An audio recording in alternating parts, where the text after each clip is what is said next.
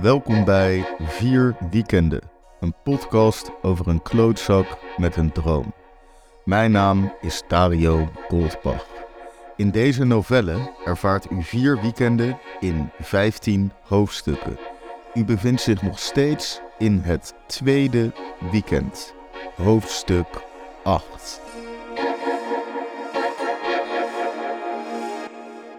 Brandend maagzuur. Ik heb last van brandend maagzuur terwijl ik door de Albert Heijn Torenstraat loop. Coolbest Strawberry Hill. Ik neem een slok van mijn pak Coolbest Strawberry Hill terwijl ik door de Albert Heijn Torenstraat loop. Het lijkt een beetje te helpen. Ik voel me als een natte krant. Klam, zweterig, brak. Ik ben net wakker. Echt een kwartier of zo. Ik moest mijn huis uit zo snel mogelijk. Ik werd wakker in een staat van opperste verwarring. Toen ik mijn ogen opende, dacht ik maar aan één ding: water. Mijn mond voelde als een Sahara van schuurpapier. Dorst. Ik had zo'n gigantische dorst dat het mijn drang om te blijven liggen overtrof. En terwijl ik mij voorbereidde om de warme wereld van dekens en kussens te verlaten, voelde ik het. Ik voelde het met mijn bovenbeen. Mijn bovenbeen tegen iets zachts. Tegen billen. Bekende billen.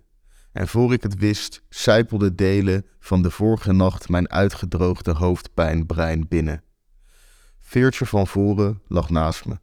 We waren naakt. Ze had mij opgepikt in een moment van kwetsbaarheid, dronkenschap. Weer was ik op de vlucht.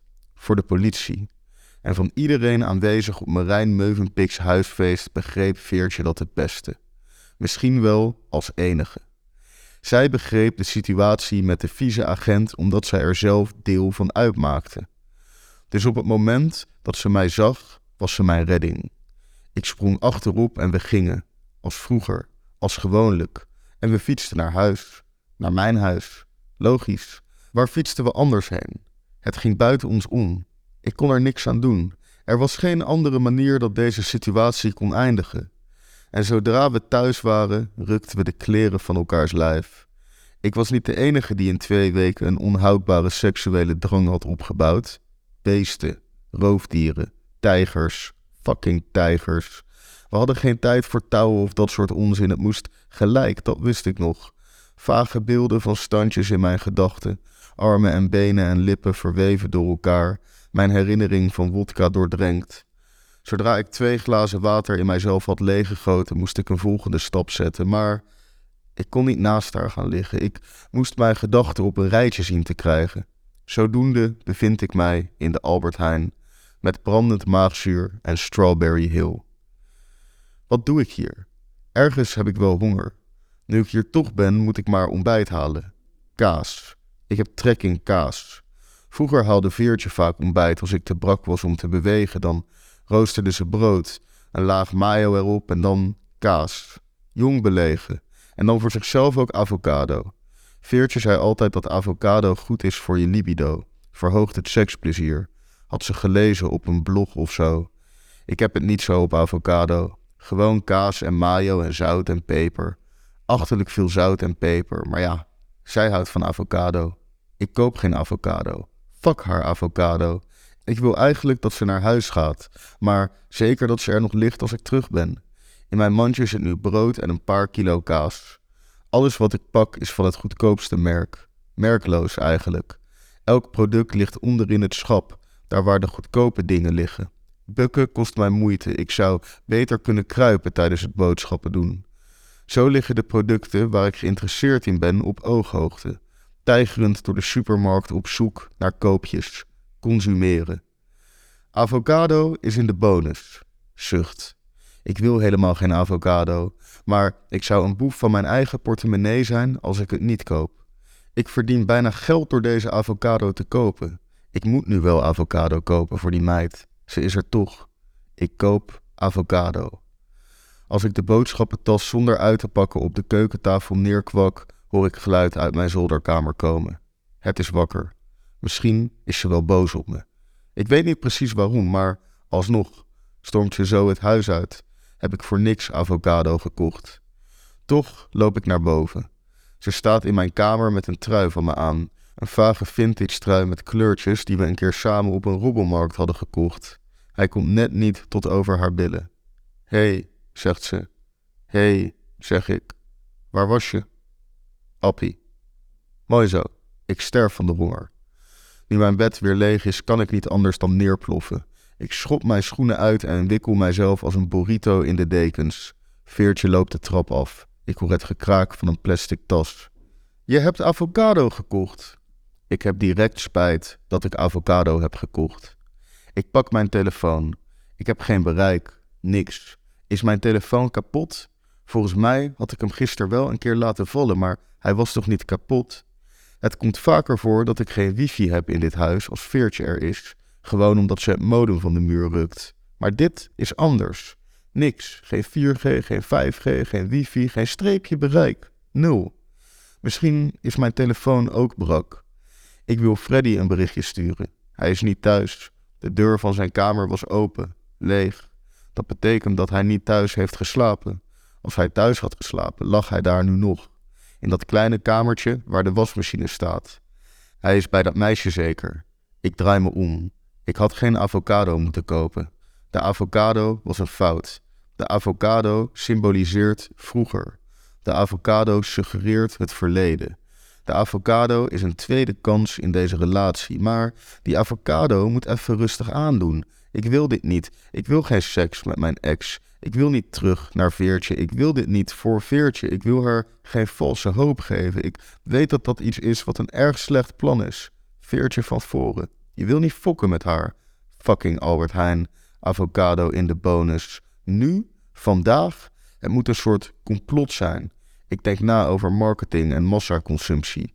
Elke dag is er wel iets in de bonus. Elke dag is dat wel het favoriete eten van een ex ergens in Nederland. En elke dag loopt er wel een verward jongetje die zo wordt overgehaald om dat tegen zijn zin in te kopen. Elke dag geeft een bonusartikel een verkeerd signaal naar een ex. Dat moet wel. Dat is een feit. Fuck de Albert Heijn en zijn bonusartikelen. Ik voel me genaaid. Ik draai me nogmaals om, verstop mijn hoofd onder de dekens. Als Veertje boven komt, vertel ik haar dat ze beter naar huis kan gaan.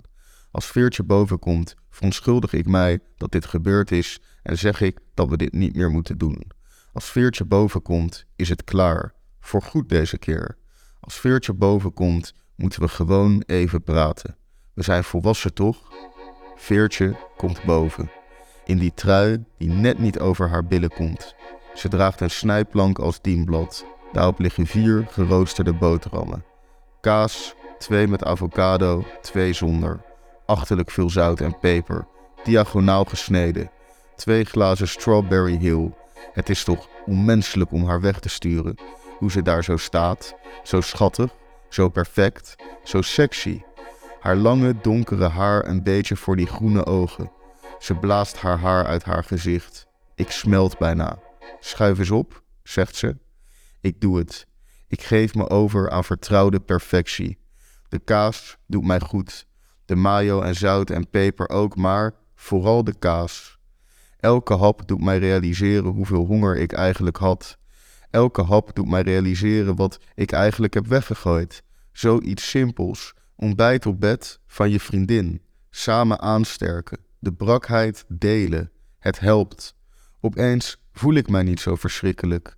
Ik ben blij dat Veertje hier is. Dit is goed. Ik heb geen last meer van brandend maagzuur.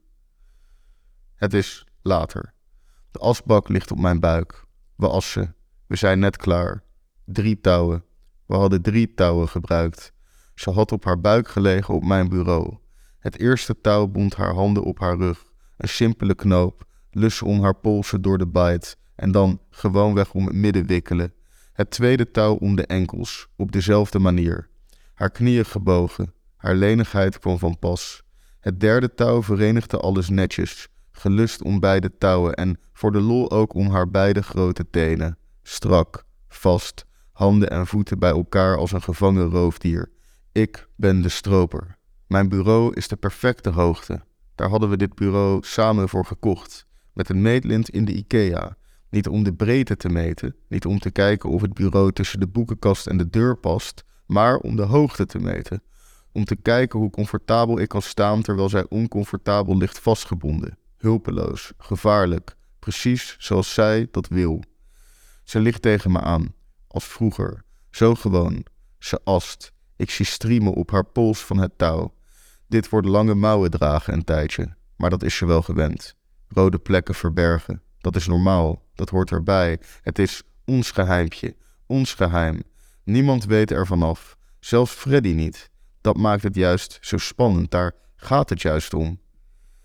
Weet je wie ik tegenkwam in de kopstoot laatst? vraagt Veertje. Nou, vraag ik met mijn gedachten verwikkeld in knopen. Nicky Nelissen. Ik verslik mij in mijn huis. Op wonderbaarlijke wijze lukt het mij om niet in verschrikkelijk gehoest uit te barsten. Nicky Nelissen? Die was toch naar Amsterdam verhuisd, vraag ik. Ik dacht ook dat we van die kuthoer af waren, ja, zegt Veertje. Nicky Nelissen was het laatste meisje met wie ik naar bed was geweest voor Veertje. Een dronken avond, het betekende niks, maar zo werkt dat niet in de wereld van Veertje van voren. Veertje haat haar met een ongekende passie.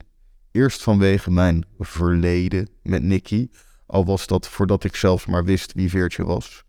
Verder omdat Nicky knap is, zo'n meisje waar jongens over praten, een beetje als Aniek Akkerman. Veel minder perfect, wel totaal niet als Aniek Akkerman. Een gegronde reden om een meisje te haten wat veertjes betreft. Maar een incident, een jaar of twee geleden, liet de zaak escaleren. Veertje had gesolliciteerd bij een koffietentje ergens in het centrum. Een hip koffietentje waar je je best moet doen om een normale bak zwarte koffie te krijgen. Ze kwam op gesprek bij de manager en alles leek goed te verlopen. De manager, een vrouw van een jaar of veertig, vond haar aardig en ze zou volgende week mogen langskomen voor een proefdag. Ze moest vooral koffie zetten. Veertje deed het goed, alleen van die ingewikkelde orders waren wel eens lastig. Een decaf dubbelshot ongezouten karamel mokka met soja slagroom, extra heet met een halve suiker en een heel zoetje. Dat was geen drankje, dat was een boek. En dat boek bestelde Nicky Nelissen die toevallig binnenkwam lopen op Veertjes proefdag. Het was dit drankje dat Veertje de das omdeed. Eigenlijk ging bijna alles fout. Het was een single shot, extra cafeïne, karamel met dubbel zeezout, bedorven slagroom met een hele suiker zonder zoetje. Het enige wat was gelukt was dat het extra heet was. Het was een kokende creatie vol fouten. En voor al die fouten had Veertje vergeven kunnen worden. Voor de shot, voor de cafeïne, voor het zout, voor de slagroom en voor het zoetje. Het was dat Veertje, op dit moment volledig in paniek, verdronken in koffiecultuur, vond dat het een complot was. Nicky Nelissen kwam daar expres op Veertjes proefdag om een achterlijk drankje te bestellen. Gewoon om haar leven zuur te maken. Nicky was een door en door slecht persoon die haar leven zin gaf door mensen te kleineren op hun proefdag. Een terrorist in een koffiezaak, een rivaal die genot uit vernedering putte. Ze was een kind dat mieren verbrandde met een vergrootglas in de zon. Een meisje dat zout strooide op naaktslakken.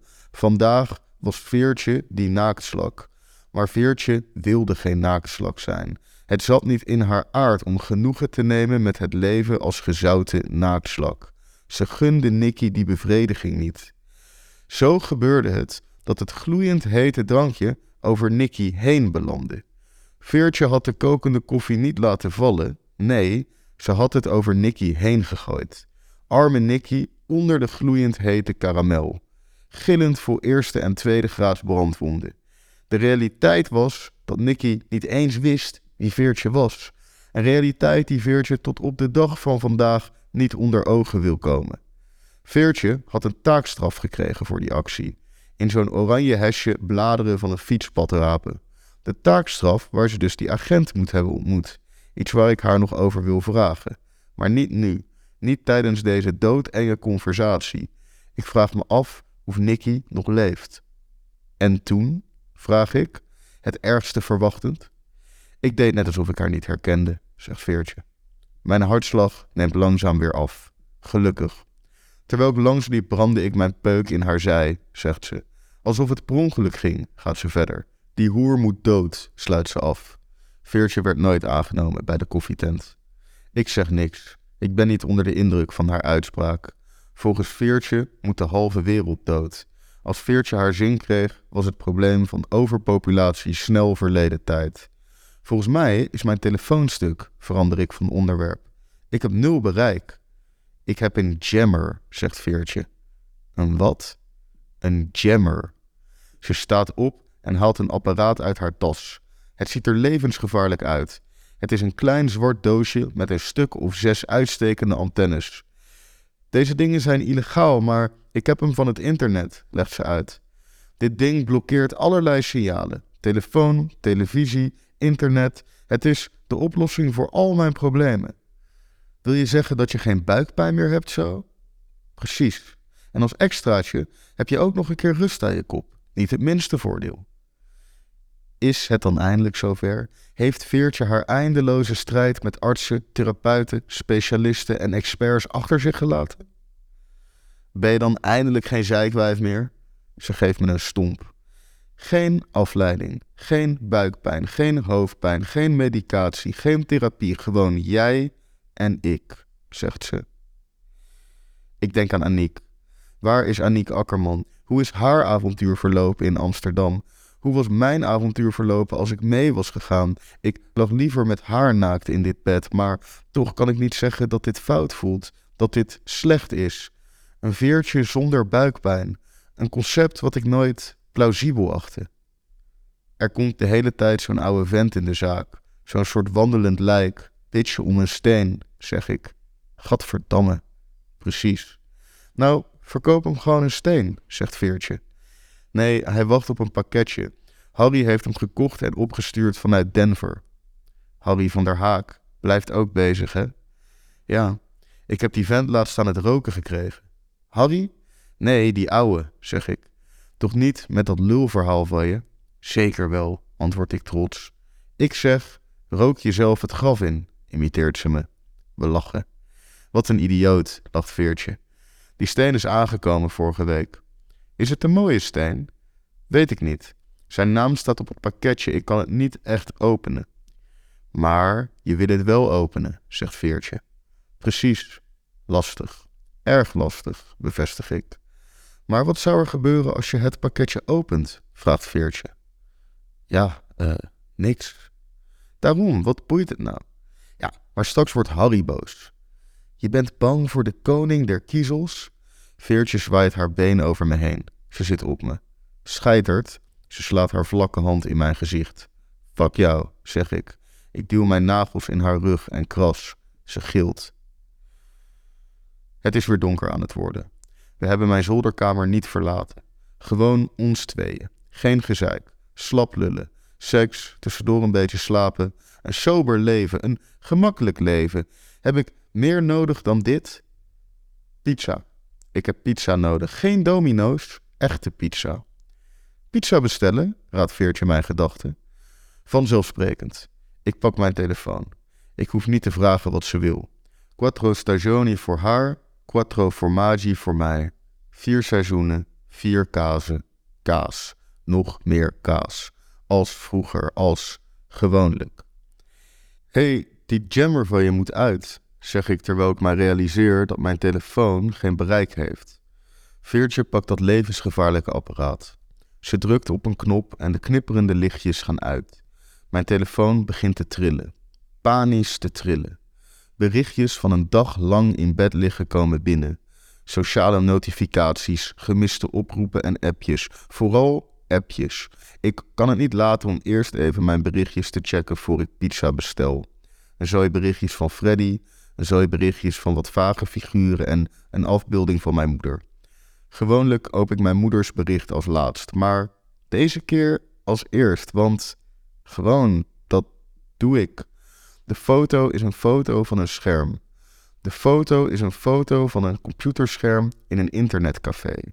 De foto is een foto van een computerscherm in een internetcafé met een boekingsbevestiging. Schiphol. Het is zover, schat. Onze reis is ten einde. Over twee weken zijn we terug in Hollandia. Ik kan niet wachten om je te zien. Leuk hè? Kus. Ik lees het bericht een paar keer. Droom ik? Is dit werkelijkheid? Mijn ouders, mijn hippie-ouders, komen ze terug? Wat nu? Godverdomme, Wat nu? Dit moment heeft zo lang op zich laten wachten dat ik niet weet hoe te reageren. Ben ik blij? Nee, ik ben niet blij. Godverdomme. En Sebastiaan dan? Sebastiaan de olifant. Ze hadden hem toch net geadopteerd en gered van iets. En Sebastiaan dan? Sebastiaan hun verloren zoon. Ze hadden me toch net aan mijn lot overgelaten. Wat moet ik dan? Dit is het einde van mijn wereld. Kutzooi, wat moet ik nu? Gaan ze hier weer wonen? Waar moet ik dan wonen? Dit is mijn huis nu. Ik hoef echt niet meer in een huis met mijn ouders te wonen. Wat is er? vraagt Veertje. Omdat ik geen woorden kan formuleren, geef ik haar mijn telefoon. Wat geweldig, zegt ze. Ze gaat rechtop zitten en kijkt naar me. Of niet? vraagt ze als ze mijn verwarde kop ziet. Ik weet het niet, antwoord ik. Honderden vragen komen in mijn hoofd op. Zo lang was ik verbitterd dat ze mij in de steek hadden gelaten. En nu, nu ben ik verbitterd dat ze terugkomen. Ik was net gewend aan het idee dat ik geen ouders meer had en nu komen ze mijn wereld nogmaals op zijn kop zetten. Ik moet een eigen huis zoeken, maar hoe? Ik ben straatarm. Ik verdien minimumloon in die paar dagen in de week dat ik bij Steen goed zit.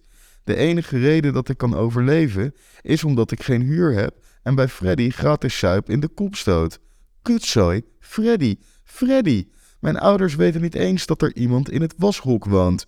Godverdomme, hoe moet ik dit aan Freddy gaan vertellen? Wat moet er met hem gebeuren? Mijn beste vriend, mijn enige vriend, mijn Marokkaanse Messias. Dit is verschrikkelijk. Ik breek, iets breekt. Ik begin zwaar te ademen, te hyperventileren misschien. Dat is een ding, toch? Ergens voel ik tranen opkomen, maar ik vecht er tegen. Ik ga godverdomme toch niet janken. Kutzooi. Mijn kleine, simpele wereld is verpest. Nooit realiseerde ik mij eigenlijk dat mijn complete bestaan op mijn nalatige ouders was gebaseerd. Dat hun terugkomst een ramp zou betekenen. Gaat het? vraagt Veertje. Ze kust mijn slaap. Mijn handen trillen terwijl ik een peuk uit mijn pakje pak. Ik inhaleer diep. Het helpt niet. Brandend maagzuur. Ik voel het. Kut. Het is het enige wat ik uit weet te brengen. Ben je niet blij dat je ouders terugkomen? Veertje stelt een goede vraag. Ben ik niet ergens blij? Toen ze weggingen was ik net klaar met puberen, net klaar met mijn ouders haten om alles wat ze deden, net klaar met mij schamen voor hun bestaan, maar waren ze echt zo slecht? Nee, ze waren nooit echt slecht. Ze hadden altijd het beste met mij voor. Mijn moeder kookte en mijn vader werkte. Een klassiek Hollands gezin, een perfect gezin, niks aan het handje, geen vuiltje aan de lucht, maar juist daarom kwam het als donderslag bij heldere hemel dat ze weggingen, of eigenlijk dat ze niet terugkwamen. Ik heb ze meer dan duizend dagen niet gezien. Opeens denk ik na over de praktische dingen. Op tijd thuis zijn voor het eten, muziek zachter, afwas doen, vuilniszakken niet laten opstapelen in het trappenhuis, kamer opruimen, stilte tijdens het acht uur journaal, niet roken in de woonkamer, geen kooksnuiven van het aanrecht. Dingen waar mijn ouders zich mee gaan bemoeien. Wat was je laat thuis? Had je veel gedronken? Wat heb je een grote pupillen? Wil je niet gaan studeren? Ben je weer bier aan het drinken? Waar heb je geslapen? Heb je wel geslapen? Wie is die jongen in het washok? Is dat je ex die met drie touwen vastgebonden op je bureau ligt? Ze hebben het recht niet om zich te bemoeien met mijn leven. Ze hebben het recht niet om mij te vertellen wat ik moet doen, nadat ze duizend dagen geen poot hebben uitgestoken. Nadat ze duizend dagen getatoeëerd over de aardbol hebben gelopen en vogelspinnen hebben gegeten, olifanten hebben geadopteerd en jetskis hebben bereden. Flikker op. Over twee weken ben ik opeens die jongen waarvan iedereen zich afvraagt waarom ik het huis nog niet uit ben. Ik moet weg. Ik moet hier godverdomme weg. Weg uit dit leven, uit dit uitzichtloze bestaan van drank, drugs en stenen. Weg van Veertje, wat doet ze hier nog? Een beetje mijn slaap kussen en vragen of ik niet blij ben. Ga weg, Aniek Akkerman. Ik moet op de vlucht met Aniek Akkerman. Zij is de vrouw die op een episch avontuur kan gaan, kan vluchten van het bekende, die haar biezen kan pakken en zonder plan op haar pootjes terecht kan komen. En ik ben die kat met negen levens. Ik ben die vent die overal onderuit komt. Met hakken over de sloot op een cruiseschip kan belanden. Koers op de ondergaande zon. Ik hoef niks van mijn ouders. Ik hoef niks van Veertje. Als ik besef dat ik iets terug moet sturen, word ik bevangen door een nieuwe vlaag van paniek. Leuk, gaaf, mooi, tof, lekker, vet, stoer, cool. Kut, fuck, tyfus, tering, kloten. Nee, godverdomme, godverdomme, doe het niet. Blijf daar, ga terug, boek om, blijf weg. Zonder dat ik het doorheb, zit ik aan mijn derde sigaret. Ik denk twee dingen. Eén, ik moet alleen zijn. Twee, ik moet dronken zijn. Vier weekenden is geschreven en voorgelezen door mij, Dario Goldbach. De novelle is origineel uitgegeven door People in Print van Haags cultuurbordeel Pip. De muziek is door Shamsuddin. Mijn literaire debuut, De man die alles had, verschijnt op 13 juni bij de Arbeiderspers. Blijf op de hoogte via de Insta Dario Goldbach. Bedankt voor het luisteren.